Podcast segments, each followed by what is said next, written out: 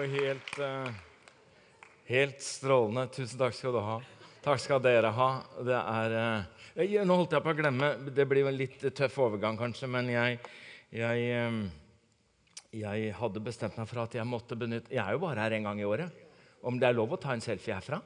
Ja. Det er det. Med dere i bakgrunnen, liksom. Og at det kanskje ser litt sånn småkarismatisk ut kanskje også. Ja, ja, Ikke så voldsomt, kanskje, men der nede omtrent. Ja, Det er tross alt luthersk, er det ikke det? Ja, Det var ikke rare greiene. Ja da! Hey! Det er så fint. Og så har jeg en sånn teknikk som gjør at jeg kan legge det ut nesten med en gang. Det er det smarte. At man kan ta det bare rett ut, og så ligger det der. Fordi Nå heter det jo Facebook, og nå heter det FaceTime. Og da må det jo også hete ansikt til ansikt. Jeg eh, pleier å reise på en del stevner og festivaler om sommeren. Og preke og så be til Gud om å legge noe i hjertet mitt som jeg kan dele flere steder. Sånn at jeg bærer et budskap med meg som jeg tenker at Den hellige ånd sier gjennom meg. Han sier mye annet gjennom mange andre. Men jeg ønsker å prøve å treffe det som han ønsker å formidle gjennom meg, som jeg kan dele flere steder. Og når jeg underviste her sånn på fredag på Akta bibelskole om identitet, selvbilde og gudsbilde, og avsluttet den tredje timen med skam, så har jeg blitt utfordret i etterkant om vi kunne dele det her denne søndagskvelden. Så for deg som tenkte at det er førjulshelg og førjulskvelder, og vi nå skal fullføre liksom juleevangelietalene, så blir dette en ut av jula-opplevelse. Jeg vet ikke hvordan du oppfatter uttrykket 'ansikt til ansikt'. Nettopp i disse dager hvor vi kanskje heller skriver i kommentarfeltet. Men jeg vil heller møte deg ansikt til ansikt. Og så hører du noen si Og så sto vi der. Ansikt til ansikt. Vi har fulgt to mennesker som har gjort det mange ganger gjennom en beinhard valgkamp. Det lønner seg å være konfronterende, må være provoserende og skal være det helt oppi ansiktet ditt. To mennesker som møter hverandre til eh, match. Brekkhus Mathis. Det skal være skremmende. Det skal være nedlatende. Hvem senker blikket først? Eller det kan være elskende og bekreftende. Ja da. Sånn kan det være med to stykker som har vært kjærester i mer enn 45 år.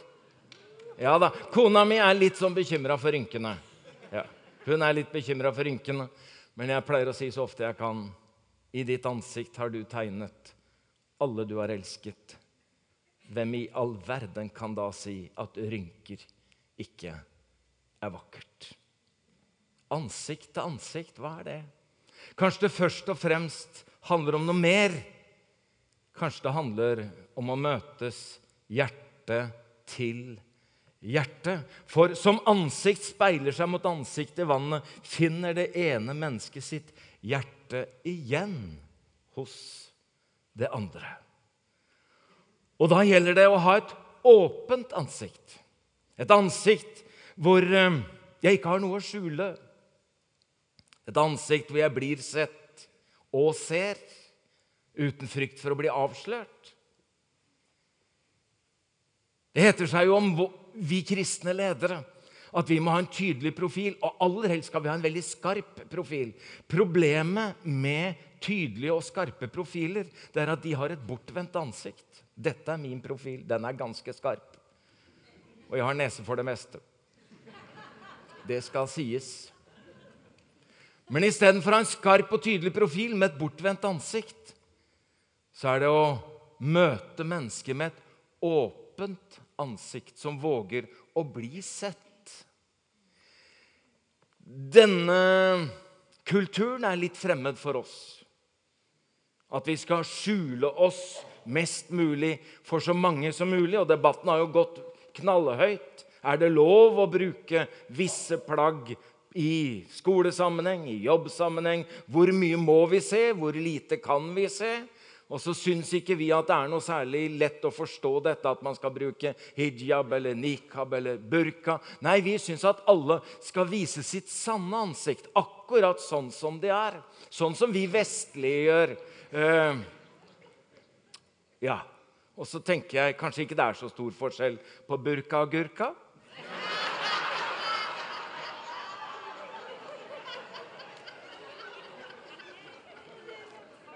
At det er bare andre måter å skjule seg på. Det er bare at vi har noen andre måter som vi syns er litt mer effektive. Jeg tror at mennesket er skapt annerledes enn dyra. Vi er skapt oppreist. Og vi er skapt oppreist for å leve ikke bare med hverandre, men leve med Gud. Ansikt til ansikt, hjerte til hjerte. Tenk så mange ganger det står i Bibelen om å leve innenfor Guds ansikt. Juble innenfor Guds ansikt. Gråte innenfor Guds ansikt. Eller grine, skrike, rope. Men alt det vi gjør, gjør vi i en bevissthet om at vi er sett. Vi er innenfor Guds ansikt. Tenk Moses. Han hadde en opplevelse av å leve, snakke, dele med Gud ansikt til ansikt. Derfor ligger oppfordringen at vi skal søke ansiktet, ikke hendene. For det er jo veldig fort gjort for oss at vi vil søke Guds hender, Guds gaver, Guds tjenester. Vi vil at Gud skal gi oss noe, vi vil at Gud skal gjøre noe for oss. Det ligner litt på den faren som var mye ute og reiste, og så gjorde han en avtale med sønnen sin. For Han hadde litt dårlig samvittighet og sa hver gang jeg kommer hjem, skal du få en femmer. Og Sønnen syntes dette var strålende. Det gjorde ikke så mye at pappa var borte, bare han fikk femmeren når han kom hjem. Og når pappa etter hvert begynte å skjønne at sønnen gledet seg mer til femmeren enn til fatteren, da bestemte faren hans seg for en dag å sette den på prøve. Og så sa han, 'Nei, du får ikke femmeren. Kom her og sett deg, gutten min.' Satt gutten på fanget, og så sa 'Nå kan du velge. Femmeren eller meg.' Det er et stort valg for en liten gutt. altså. Han så på femmeren. Han så på pappa. Han så ned på femmeren. Han så på pappa.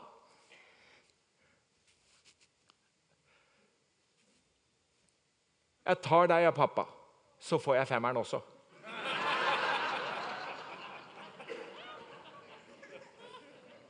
Ikke helt ulikt oss. Vi vil så gjerne ha Guds gaver, Guds tjenester. Jeg har lyst til å si det sånn at Gud er ikke først og fremst opptatt av dine gaver og dine tjenester. Du som tror at Gud først og fremst er ute etter pengene dine fordi du har så mye av det.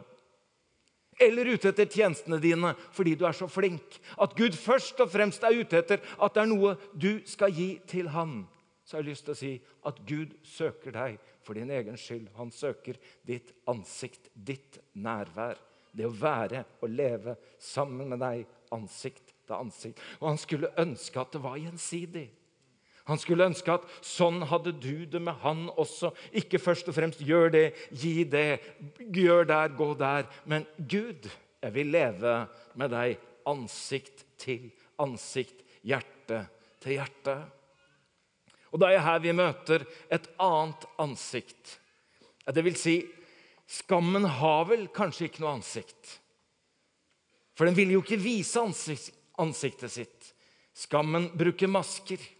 Skammen spiller roller. Skammen prøver jo å ikke bli sett. Skammen prøver å ikke bli avslørt. Derfor gjemmer den seg. Jeg tror det er denne uka som det enten har vært eller pågår, eh, pågår eh, NM i poker. Jeg har ikke fått deltatt så aktivt, for de har jo vært her.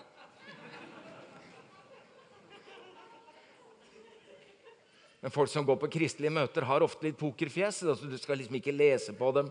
Det er jo en av de grunnene til at det er fint å være her. Du kan liksom se nesten hva folk tenker. Eh, men det som, det som gjelder for pokerspillere, det er jo at de vil holde korta tett.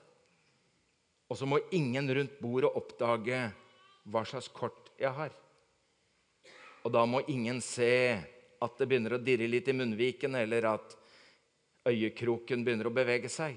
Så da smart å prøve å skjule seg hvis jeg ikke klarer å holde korta så tett at ingen vet hva jeg sitter med. Og jeg tenker at det der er veldig, veldig, veldig gammelt. Dette oppsto i Edens hage etter syndefall. Tenk at vi er født naturister. Ja. Det er sikkert derfor vi fortsatt holder på å bli født nakne. Ja, vi tror det fortsatt er sånn. Ja, Det er jo veldig rart, det der. At vi på et eller annet tidspunkt ikke syns det er så naturlig. Altså, det er jo et eller annet Du har gjester, du har kaffebesøk, og så kommer treåringen inn. liksom. Det er greit, men når 20-åringen kommer inn, så tenker vi Du kunne kanskje ta på deg den lille trusa. Bokseren, er det ålreit? Men vi altså levde både innenfor Gud og innenfor hverandre uten blyghet. Og dypere enn det uten skam. Vi var nakne, ja, men vi skammet oss ikke. Derfor så skjer det et skifte når Gud kommer og vil møte Adam, at han har gjemt seg, først bak trærne, og når han kommer fram bak trærne, så har han skjult seg med fikenblader. Og så sier han, 'Jeg ble redd, for eh, jeg er naken.' Derfor gjemte jeg meg. Og så sier Gud, 'Hvem har sagt deg at du er naken?' Hvor kom dette behovet for å skjule seg? Når dukket opp et ønske om å ikke bli sett? Har du spist av det treet jeg forbød deg å spise av? Dette går i arv. Kain slår i hjel broren sin. Og når Kain og Gud møtes, så sier Gud til Kain, 'Hvorfor ser du ned, Kain?' Hvorfor ser du ned? Hvis du har gått i sinne og gode planer, så kan du vel se opp?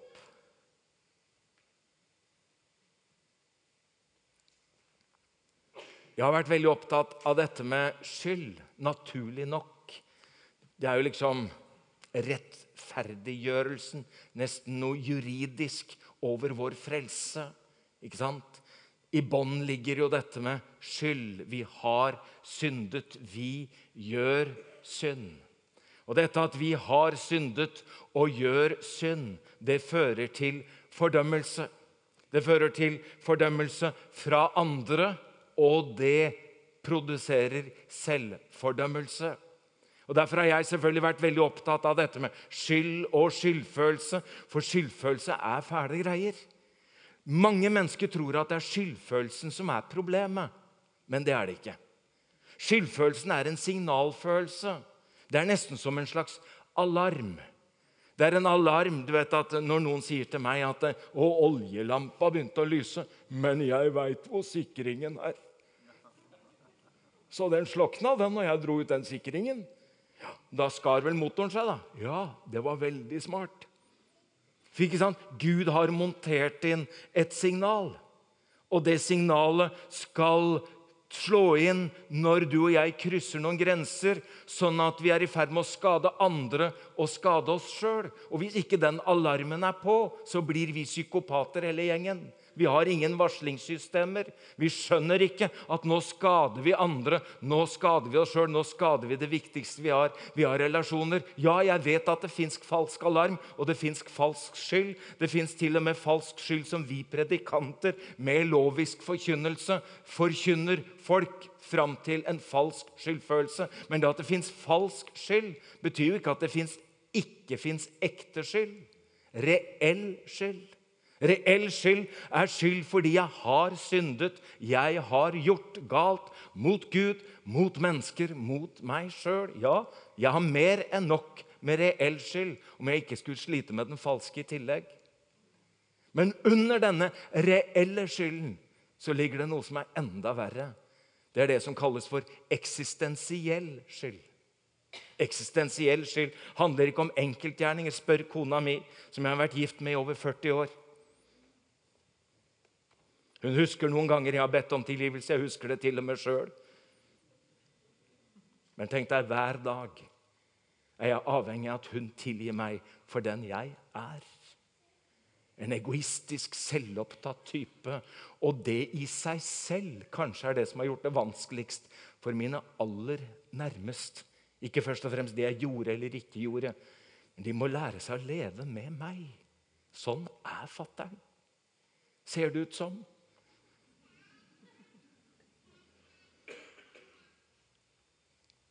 Eneste måten å forsone seg med seg selv, det er å oppleve denne grenseløse nåden.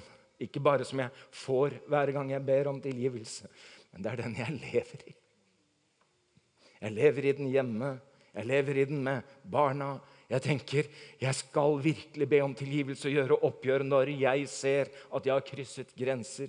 Men uten at jeg har bedt om det, så lever jeg i Guds og menneskers nåde.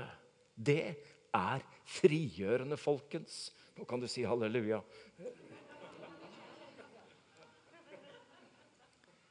Men jeg har alltid følt at det fins noe knytta til dette med eksistensiell skyld. Det ligger noe som jeg har ant, men som jeg ikke helt får tak i. Og hvorfor jeg ikke får tak i det, det er kanskje fordi skammen gjemmer seg. Den er vanskelig å gripe, og selvfølgelig er det vanskelig å begripe. Og det har ikke vært så stort fokus på det heller. Heller ikke på fagområder. Men det handler altså ikke bare om hva jeg gjør, men hvem jeg er. Nå er jeg helt inne i min opplevelse av meg selv. Dette handler om min identitet. Og da kommer det som forakt. Og forakt er jo på en måte frykten for avvisning. Jeg tenker at Hvis jeg sliter med angst og våger å dele noe av det i en eller annen sammenheng, så kan jeg i beste fall håpe på en slags medfølelse, sympati. Ja, vi har sympati, viser empati overfor de som har den type lidelser. vi vil gjerne det. Men hvis jeg begynner å dele med dere hva jeg skammer meg over Så handler det om hvem jeg er. Og da frykter jeg forakt. Og forakt, det er frykten for avvisning. Kanskje ikke de vil ha meg. Kanskje de ikke liker meg. Kanskje de ikke ønsker å være sammen med meg. Og under det så ligger jo selvforakten hele tiden og blir en konsekvens av det. Så handler det altså ikke bare om hva jeg gjør, men det handler dypest sett om hvem jeg er. Og det er bare én vei ut av det, og det er å oppleve den ubetingede kjærlighet. Jeg er elsket for den jeg er. Og det er også når jeg ikke bare er det gode og det hellige og rene, men også når jeg er den syndige, er jeg elsket. Dypest sett fins den kjærligheten bare ett sted, og den nåden fins bare ett sted. For alt annet har mer eller mindre grenser. Men jeg har møtt en grenseløs Gud med en grenseløs kjærlighet, som har en grenseløs nåde. Halleluja. Ja, jeg sier det. Jeg har et medbrakt halleluja også, som jeg kan benytte meg av og til. Ja. De som jobber med sånt som dette, de opererer av og til med noe de kaller for skammens kompass, eller skamkompasset. Eh, og dette er jo selvfølgelig ikke noen slags form for psykologi, psykologitime, for jeg er konditor. Ja. Men, men, det har hjulpet meg til å forstå, fordi dette skamkompasset bare viser oss at skammen, den iboende skammen, kan føre oss i litt ulike retninger. Og vi har en slags tendens til å tro at den bare kan gå én vei. Ja, den mest kjente veien er jo det som heter tilbaketrekning. Det er at jeg vil ikke bli sett. Jeg vil ikke synes. Jeg vil helst bli borte.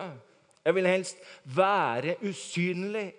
Og Hvis det hadde fantes et hull i bakken, så ville jeg helst forsvunnet i det. Eller om jeg rett og slett bare tar mitt eget liv. Tilbaketrekningen kan for noen bli så lang at de ikke orker å komme ut igjen. Men det fins en annen vei som noen går. Men det er allikevel ikke å bli fri fra skammen. Men jeg prøver å unngå den, jeg prøver å omgå den. Jeg prøver å gjøre det motsatte av det å være usynlig. Jeg eksponerer meg ekstremt. Ja, jeg vil synes for hele verden. Jeg vil synes for alle. Jeg vil ha større hus, jeg vil ha flere biler, jeg vil ha størst båt. Og noen sier han er jo ikke skam i livet. Nei, det er helt riktig. Det er som om man prøver å unngå og omgå og bare gå den motsatte veien isteden. Sånn at ingen tror at jeg har skam. Men det er noe skamløst over eksponeringen. Og Da kan du tenke på andre måter å eksponere seg på. Så har du det at vi går til angrep. Fordi når jeg ikke erkjenner og vil ta et oppgjør med min egen skam, så vil jeg prøve å få plassert denne hos andre. Og Det er jo der kommentarfeltene ofte kommer. Det er der ofte meldingene kommer. Det er jo der hvor jeg tenker av og til Også du at du våger. Jeg vet jo litt om deg. Jeg vet jo i hvilken grad du har vært avhengig av andre menneskers og Guds nåde og tilgivelse.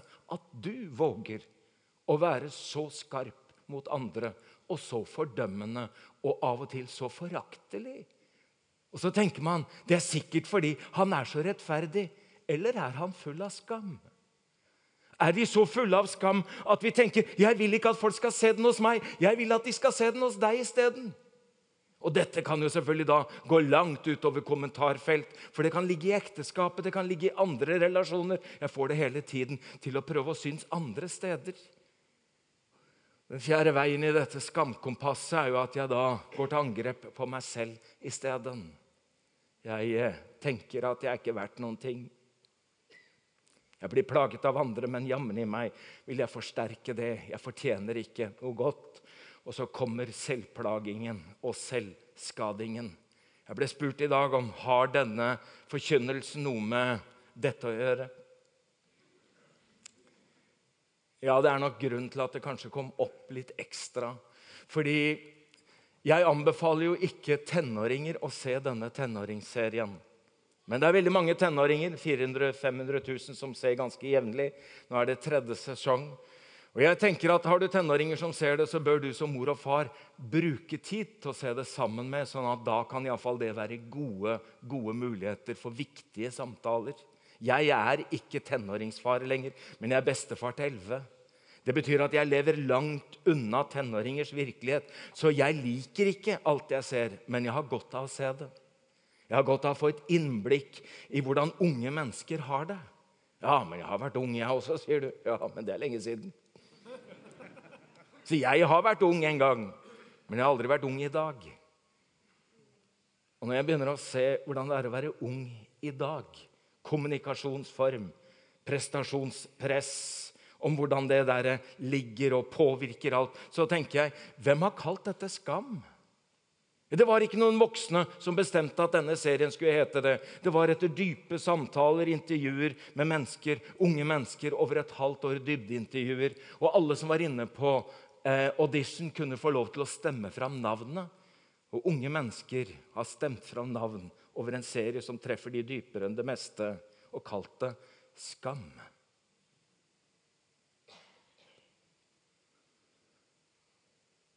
Jeg hører to rop i denne serien.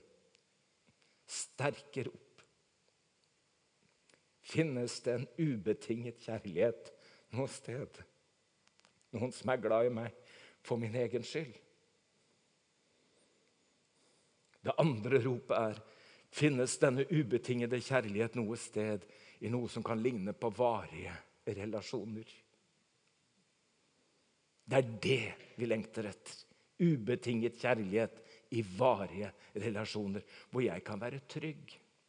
Vi må selvfølgelig se et lite klipp, og det er ikke helt tilfeldig hva jeg plukker ut. Annen sesong, samtale mellom Nora og William. Jeg syns liksom den speiler noe av det som ligger under egentlig hele serien.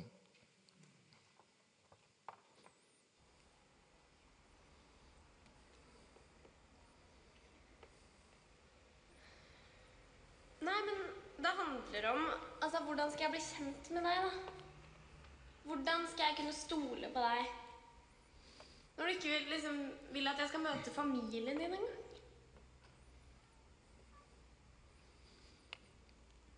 Du trenger ikke å bli kjent med familien min for å bli kjent med meg.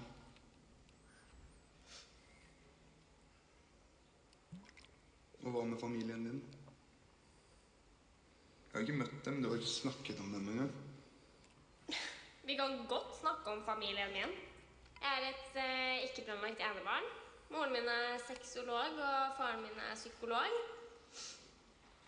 Eh, De eh, har aldri elska meg. De er bare opptatt av hverandre og sitt eget sexliv.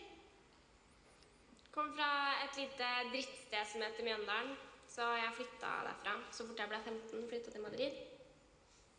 Snakker med dem ca. en gang i måneden. De er lykkelige uten meg, og jeg er lykkelig uten dem.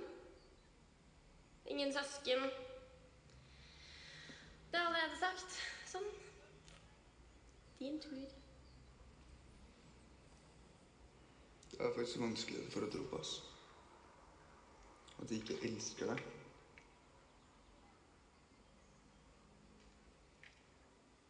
Det er faktisk helt umulig.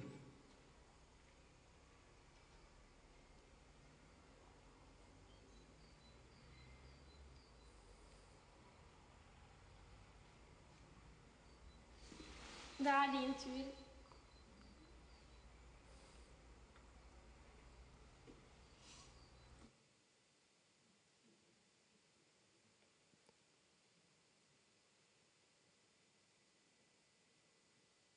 Ikke planlagt, ikke elsket enebarn. Samtidig med dette så gikk serien 'Jeg mot meg' sist vår. Disse spiller ikke.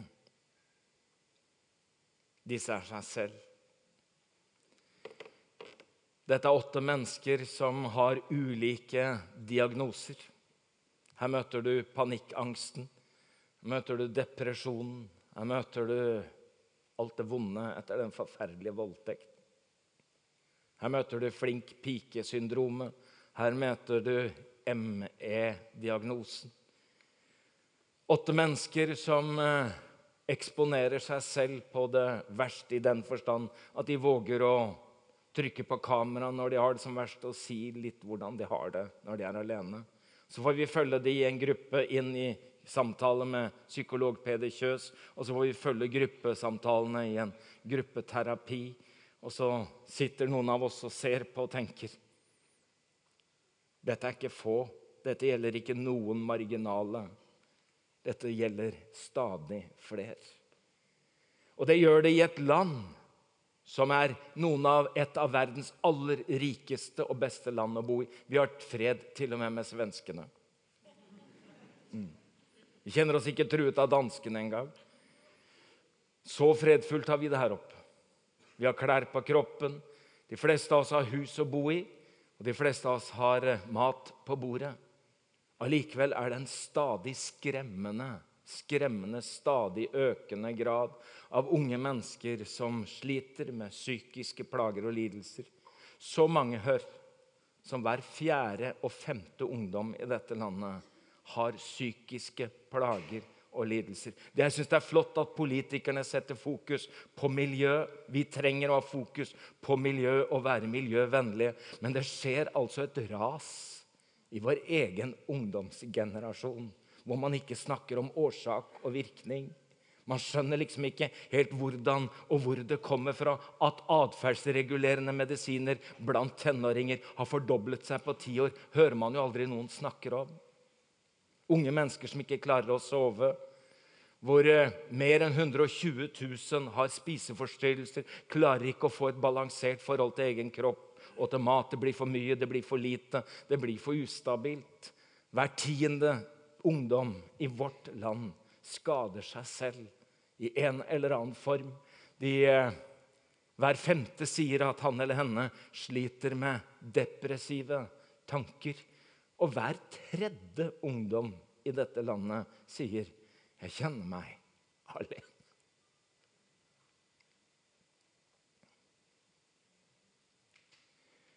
Og da lurer jeg på, under dette, er det en skyld og en skam, en skyldfølelse og en skamfølelse som man egentlig ikke vet hvor man skal gå med? Om det fins en vei ut, om det fins en kilde, om det fins en utvei, om det fins en måte å bli fri på. Jeg lurer på om det er det som trengs. Jeg har møtt eh, Pål André Grinderud i forbindelse med en sånn serie vi har gjort på TV og skal gjøre en ny sesong, sjette sesong av Reisen hjem. Pål André han vokste opp etter at faren døde i et alkoholisert hjem hvor moren hans var alkoholisert, og han bodde alene med mor. Av alt det ille Pål André kan fortelle, så forteller han om den jula, den julaften han var 13 år gammel, hvor han hadde ordnet med julemat. Ah, det er pyton å si. Og så sier moren at hun skal gå ut en tur, for så ikke komme tilbake. 13 år gammel gutt har ordnet julemat, og mor kommer ikke igjen. Det går an og leiter først jul. Da finner mor snydensfull sammen med bestemor og bestefar. Og på et lite sted som Mjøndalen så vet de fleste alt. Med dette skal man gå på skolen, med dette skal man være ute blant kamerater. Blant dette så skal man bære en slags identitet, og denne identiteten blir iboende. Han har fått noen priser, men jammen har han betalt en høy pris. Det var fint å få lov å dele denne historien, men også være med han til Modum, til Olavskirka. Jeg tenkte at vi tåler fem minutter med Pål André.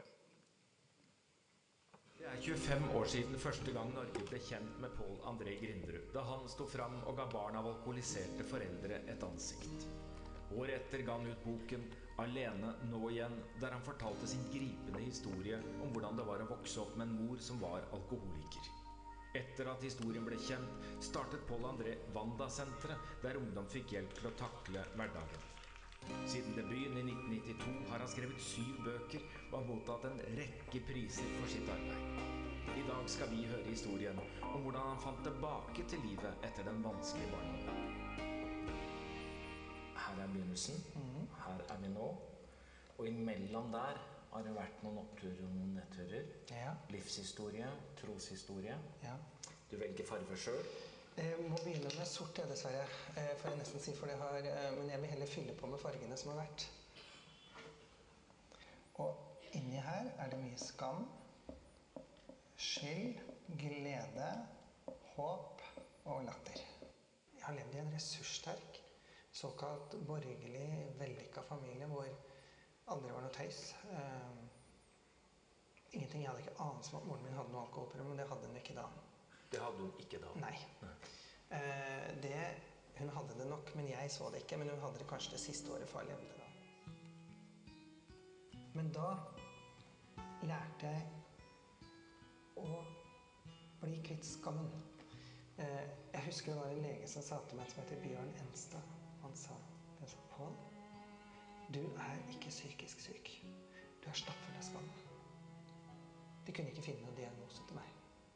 Så ble det posttraumatisk stresslidelse, og jeg gråt i to døgn, for jeg trodde jeg var kjempesjuk. Det var det mildeste du kunne få, visstnok, men det måtte de gi til Nav for at jeg skulle få penger. Men i alle fall så begynte jeg da å avskamme meg. Frakk for frakk tok de av, og i de jeg var der fram til jeg var 29 år, hadde jeg ni opphold. Tre måneder og fire måneder, og ett opphold var på tre uker. Altså, de tok meg inn, og vet du hva de sa? Vi hadde troa på deg. Og du skjønner, etter hvert så ble jeg jo så mye mer glad. Det som var vondt. Tjukke, vonde her. Mm, mm, mm. Hvis det hadde vært livet mitt i dag, så hadde jeg enten drukket eller vært død. Men ved at jeg rydda opp i dette livet, så tilførte jeg hjertet til mørket. Jeg, jeg tilga ikke alle, men jeg tilførte hjertet til mitt eget mørke. Og du vet, nå er det sånn at nå er dette fylt i dag. Ops! Så har mørket spist opp av hjerter. Det er så utrolig at, uh, at du har klart å ta av disse skammen, avskamminga, som du sier, men også gitt rom for noe av dette anger, eller raseriet, både mot Gud og mennesker. Ja. At du har gitt plass for det, at du ikke er brød og Det, det syns jeg Men jeg tror Vi har mye å lære, altså. Si at du, du drakk deg full, og så kledde du av deg og gikk nedover gata. Og du var ikke Egil Svartdal, men du var bare Egil. Og så ville folk tenkt 'Å, guri malla, hva er det han har gjort?' Og så kunne du være flau over det dagen etterpå. Da, har du gjort, da er det litt sånn skam. Og så går det over. Men når skammen blir iboende, at du opplever sånn som meg med en mor som ble forakta i seks år, da blir den iboende. Og den iboende skammen er så farlig. Den forlater ikke et menneske før en gjør noe med det selv.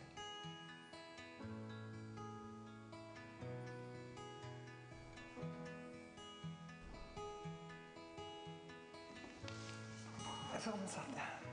Helt inntil sånn. Og så satt jeg stille og fredelig. og Jeg følte alltid at det som var her ute, var godt.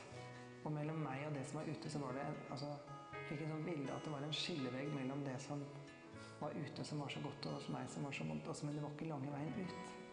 Altså, Jeg følte hele tida håpet, da. Uten nåden så kan vi ikke eksistere, etter min mening. For nåden, den omfavner så mye. Og alle har sjanse til å begynne på nytt igjen. Eh, Jeg vil ikke si jeg har begynt på nytt igjen, men jeg har begynt på en vei. Og jeg møtte en bedriftseier i Norge som ikke har gått i klassen min. Jeg møtte Han hadde invitert meg til lunsj for å fortelle meg noe. Så tenkte jeg å, ikke bare begynne å snakke om den barndommen.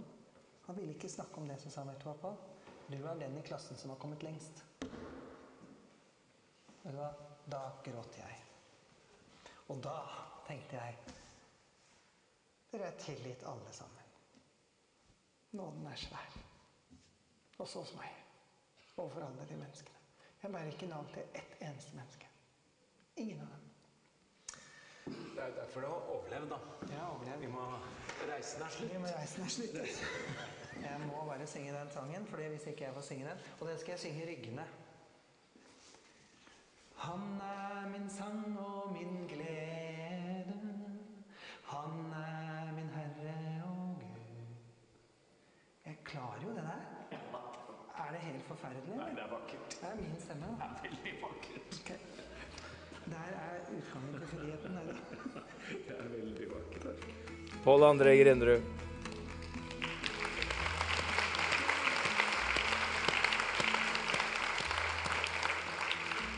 En av de kjente historiene i Bibelen er jo at Jesus skal gjennom Samaria i Johannes 4. Kommer til Sykar, er sliten, trøtt, orker ikke folk, orker ikke lidelse. Bestemmer seg for å bli der ute ved brønnen og sender disiplene inn for å skaffe mat, sånn at han slipper å møte folk. Og så kommer denne dama som har beregnet at hvis hun ikke går der på morgenen og på kvelden når alle de andre er der, så får hun antageligvis komme og gå usett. Det må ha skjedd noe med henne når hun ser at det sitter en der når hun nærmer seg brønnen. Når hun samtidig ser at det er en mann, og oppdager at det er en jøde, så er det som hun stålsetter seg bare for å orke. Jeg har sett for meg at da han løfter ansiktet og ser på henne, er hennes opplevelse at han kjenner meg.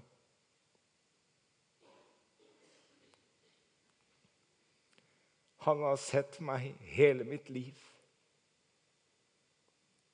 Han vet hvem jeg er. Selv om han er fremmed for meg, er ikke jeg fremmed for han. Og denne forakten som hun var så vant til å kjenne, den fins ikke. Heller ikke fordømmelsen. Og istedenfor å oppleve avvisningen, så våger hun å begynne å fortelle og dele. Og så finner hun en annen kilde for en annen tørst. Hun kom for å hente vann, men hun gikk der med en kilde inni seg. Det fins en ubetinget kjærlighet med en grenseløs nåde. Og denne dama som har prøvd å gjøre seg usynlig, hun lar denne bøtta stå, løper inn og sier 'Hei, hei, hei, hei! Dere må komme!' Og da får folk sjokk, vet du. Hvem er hun? Er ikke hun som har gjemt seg hele tiden? Og nå blir hun synlig for alle. Ja, kom og se en mann som har sagt meg alt jeg har gjort! Ja, det kunne jo vi ha nevnt også. Vi har snakka mye om det hjemme hos oss. Ja, men det er annerledes! For han som kjenner meg best, det er han som elsker meg mest. Jeg kunne våge å bli sett. Han ser og vet hvem jeg er. Men jeg er elsket. Og jeg har funnet en grense. Kom! Dere må komme. Dere må komme. Du vet, Av og til så ser jeg evangeliesenterfolk vet du, som står og synger og spiller, og så forteller de vitnesbyrdene sine på TV. Det verste som har hendt i livet deres. Og Så tenker man kan man fortelle det verste da? Ja, hvis du opplever deg elsket, så kan du det. Da behøver du ikke gjemme deg lenger. Da kan du leve med deg selv. Og du tenker jeg har funnet denne kilden til kjærlighet. De så opp til ham. For det var jo ikke bare denne dama, men det ble en hel, hel, hel haug etter hvert. Disse som hadde gjemt seg eller gjort seg usynlige eller sett ned, begynte å gå med rett rygg. Der kom tolleren, der kom fariseeren, der kom den ene etter den andre. De gikk annerledes. Og så så de opp, for de rødmet ikke lenger av skam. Jeg syns eh, at dette med Guds ansikt er det viktigste. Ikke først og fremst mitt eller ditt, men at vi får lov å se Guds ansikt. Det var jo han tegneren Ulf Aas. Dette er en lang tale. Jeg hadde noen korte taler før, men de finner jeg ikke igjen. Nei, nei, nei, nei jeg hadde det før, vet du. Jeg leiter etter de, men de er borte for godt, altså. Ja. Det var tegneren Ulf, Ulf Aas i Aftenposten som uh, fylte 90 år. Inviterte alle tiåringer i nabolaget til gratis tegnekurs. Det er en fantastisk fortelling. Hvordan han gir de blanke ark og farvestifter, og alle får tegne hva de vil, og de skal få kommentarer av Ulf Aas. Og Der ligger lille Marius på gulvet, og han tegner så det spruter. Og Ulf Aas går forbi og spør jaså, Marius, hva er det du tegner for noe, da? Jeg tegner Gud, jeg. Ja, men det er jo ingen som har sett Gud noen gang. Når jeg er ferdig, så.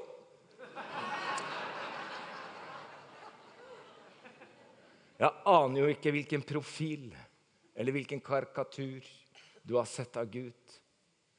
Men for å være helt sikker så vil han gi seg selv et ansikt. Og det ansiktet er Jesus Kristus. Derfor vet vi at Gud er som Jesus er. For Gud som sa lys skal stråle fram fra mørket, han har også latt lyset skinne i våre hjerter for at kunnskapen om Guds herlighet i Jesu Kristi ansikt skal lyse fram. Gud har et ansikt, og det ansiktet er Jesus. Det er masse som er vakkert i verden, men det vakreste, sa Karsten Isaksen, det er øynene som fylles av lys, som stiger opp fra innsiden. Hvis ikke du tenker med en gang hva det betyr, så kan det bety at noen står og venter på noen på Gardermoen. De fleste er ganske uviktige og går forbi hverandre uten å se hverandre. Men så kan du betrakte to ansikter som har søkt hverandre. Og så ser du øynene som fylles av lys, som stiger opp fra innsiden. Du ser det også når mennesker har vært innenfor Guds ansikt. Dine øyne er fulle av glede. Si meg, hva har de sett for å få slik glans? Jeg har sett Herren Jesus. Jeg har sett Guds ansikt. Nå ser vi det bare i korte glimt. Nå ser vi det som i en gåte, nå ser vi det som i en speil. Men en dag skal jeg se det ansiktet som så meg hele livet. Da skal jeg se han ansikt til ansikt. Og så tenker jeg Har dette ansiktet sett meg hele mitt liv? Det er kjærlighet. Amen. Kan, kan dere tenke dere Når skulle vi ha slutta? Går det bra? Går det bra? Jeg, for det er ikke mye Ole Paus sanger som Det er ikke alle Ole Paus-sanger som egner seg. Men denne Ole Paus-sangen er noe av en perle. For Ole Paus har levd et liv som gjør at han vet hva han skriver om når han beskriver det den fortapte sønn eller den bortkomne sønn kan ha tenkt på veien hjem. Og Jeg tenkte at vi kunne høre den før Øystein og gjengen her hjelper oss videre. Er det ok? Jeg legger opp tekst, og så kan du høre dette er den bortkomne sønn på veien hjem.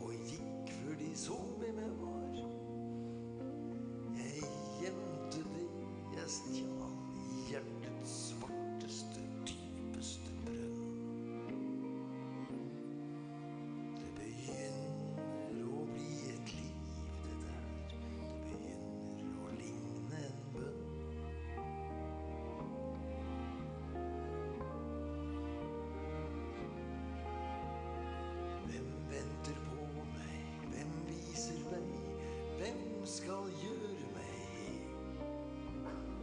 Alt det jeg flyktet fra hjem søker meg som en hjemlengsel i min sjel.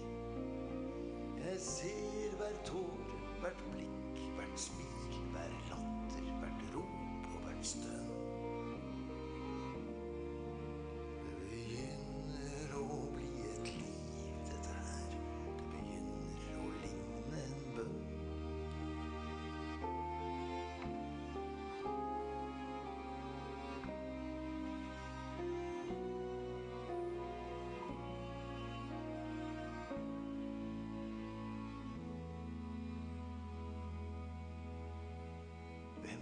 Vil ta meg inn til seg når det blir kaldt?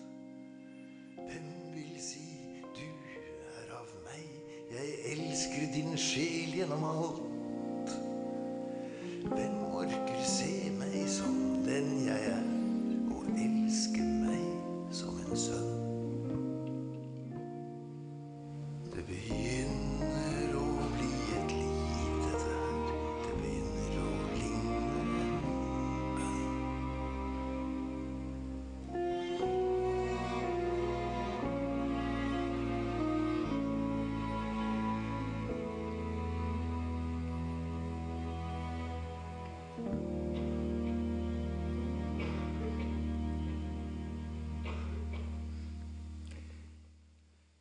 Jeg spurte Øystein før møtet om eh, han kunne tenke seg å spille litt.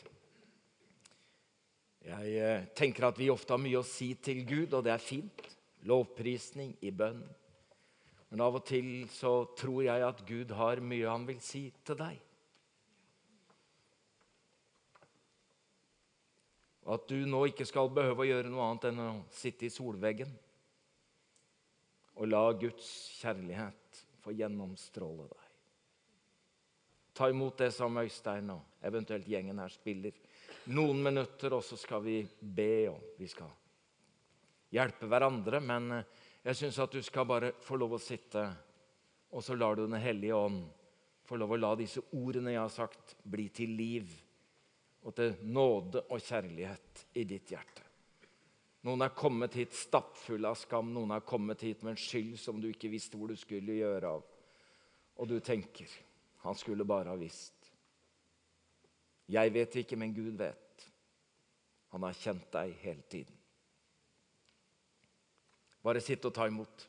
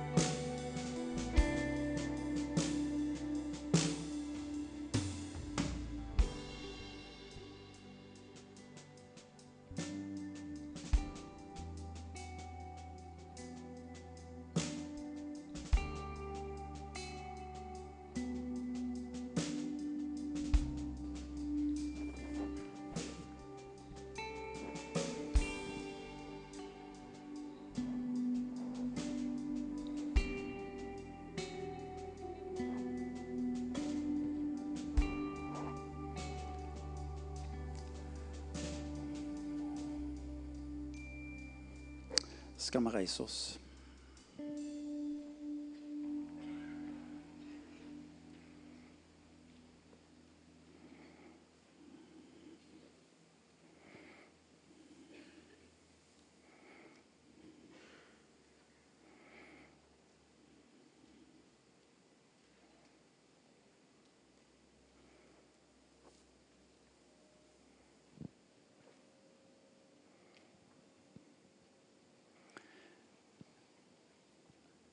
Når Jesus ønsker å se du bli en del av det han har for seg, for deg, så ber han deg om én ting. Og det står i Salme 105, vers 2.: Søk mitt ansikt. Han kunne gitt deg en formel, han kunne gitt deg en bruksanvisning. Han kunne fortalt deg om alt det du skulle gjøre, men han sier én ting. Søk mitt ansikt. Og Det er jo det som er skammens vesen. Den ikke bare trekker deg vekk fra mennesker, men den trekker deg også vekk fra Gud.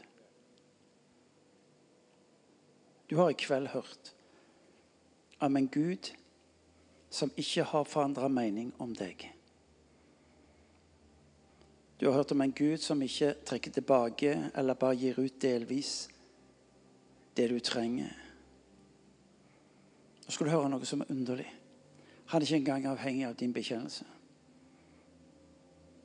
For når han elsker, så elsker han fordi han elsker.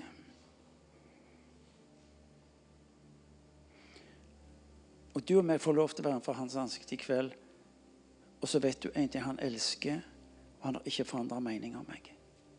Om ingen andre kjenner meg. Om jeg har trukket meg tilbake. Om jeg har unnveget. Om jeg valgte aggresjonen. Så kommer han deg og meg i møte i kveld og så sier han, la meg få lov til å være Gud i ditt liv. Du kan gå herifra fri. Du kan gå herfra med en visshet om at hva som ligger bak, ligger bak. Men nå får jeg lov til å starte på nytt. Og Det er vitnesbyrdet for mange av oss. Om at en dag vågte jeg å stoppe opp, omfavne det Gud ga meg, av nåde, og så begynne på nytt. Jeg, eh, jeg vil be en bønn. Men nå skal du høre den bønnen for deg om at du skal erfare Guds nåde, den har ingen betydning om ikke du våger å leve i det når du går herifra. Derfor så vil jeg invitere deg ikke bare til å ta imot Guds nåde for ditt liv, men jeg vil også invitere deg til å våge bekjennelsen, som du leser her, som er på skjermen om en, om en Herrens velsignelse som er over og på ditt liv. Om jeg kunne få lov til å invitere deg til å skrive den ned, legge den på nattbordet når du legger deg om kvelden, lese den om morgenen når du står opp, og våge bekjennelsen. For det du bekjenner ditt hjerte, sier Guds ord, det er du. Ikke bare det blir du, men det er du. Og med det utgangspunktet gjør Gud det han ser du trenger til i ditt liv. Kan jeg få lov til å be deg bare om å rekke fram hendene der du står?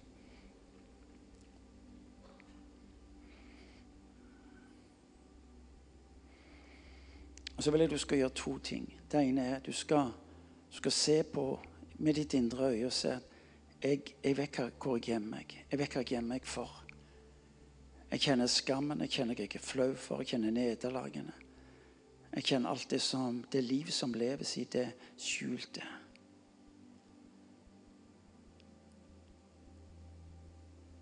Så skal du få lov til å se på det.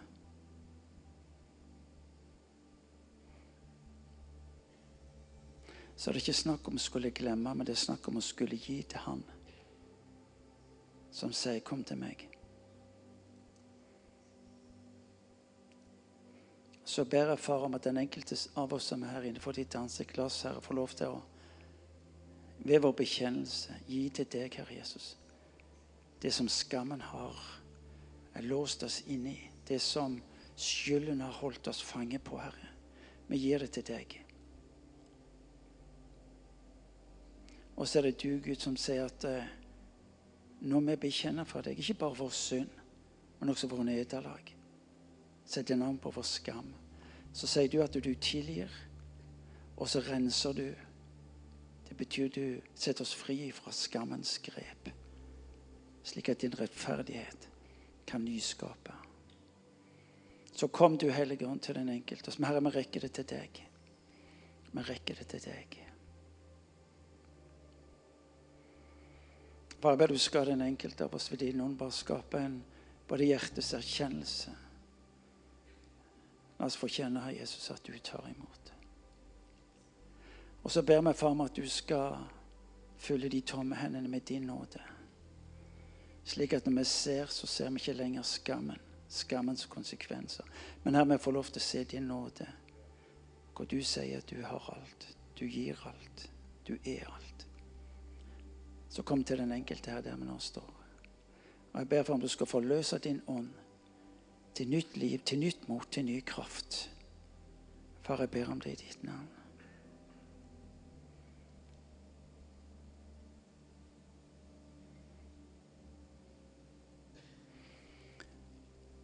Herren velsigne deg og bevare deg. Herren la sitt ansikt lyse over deg og være deg nådige. Herren løfte sitt ansikt på deg og gi deg fred. Amen.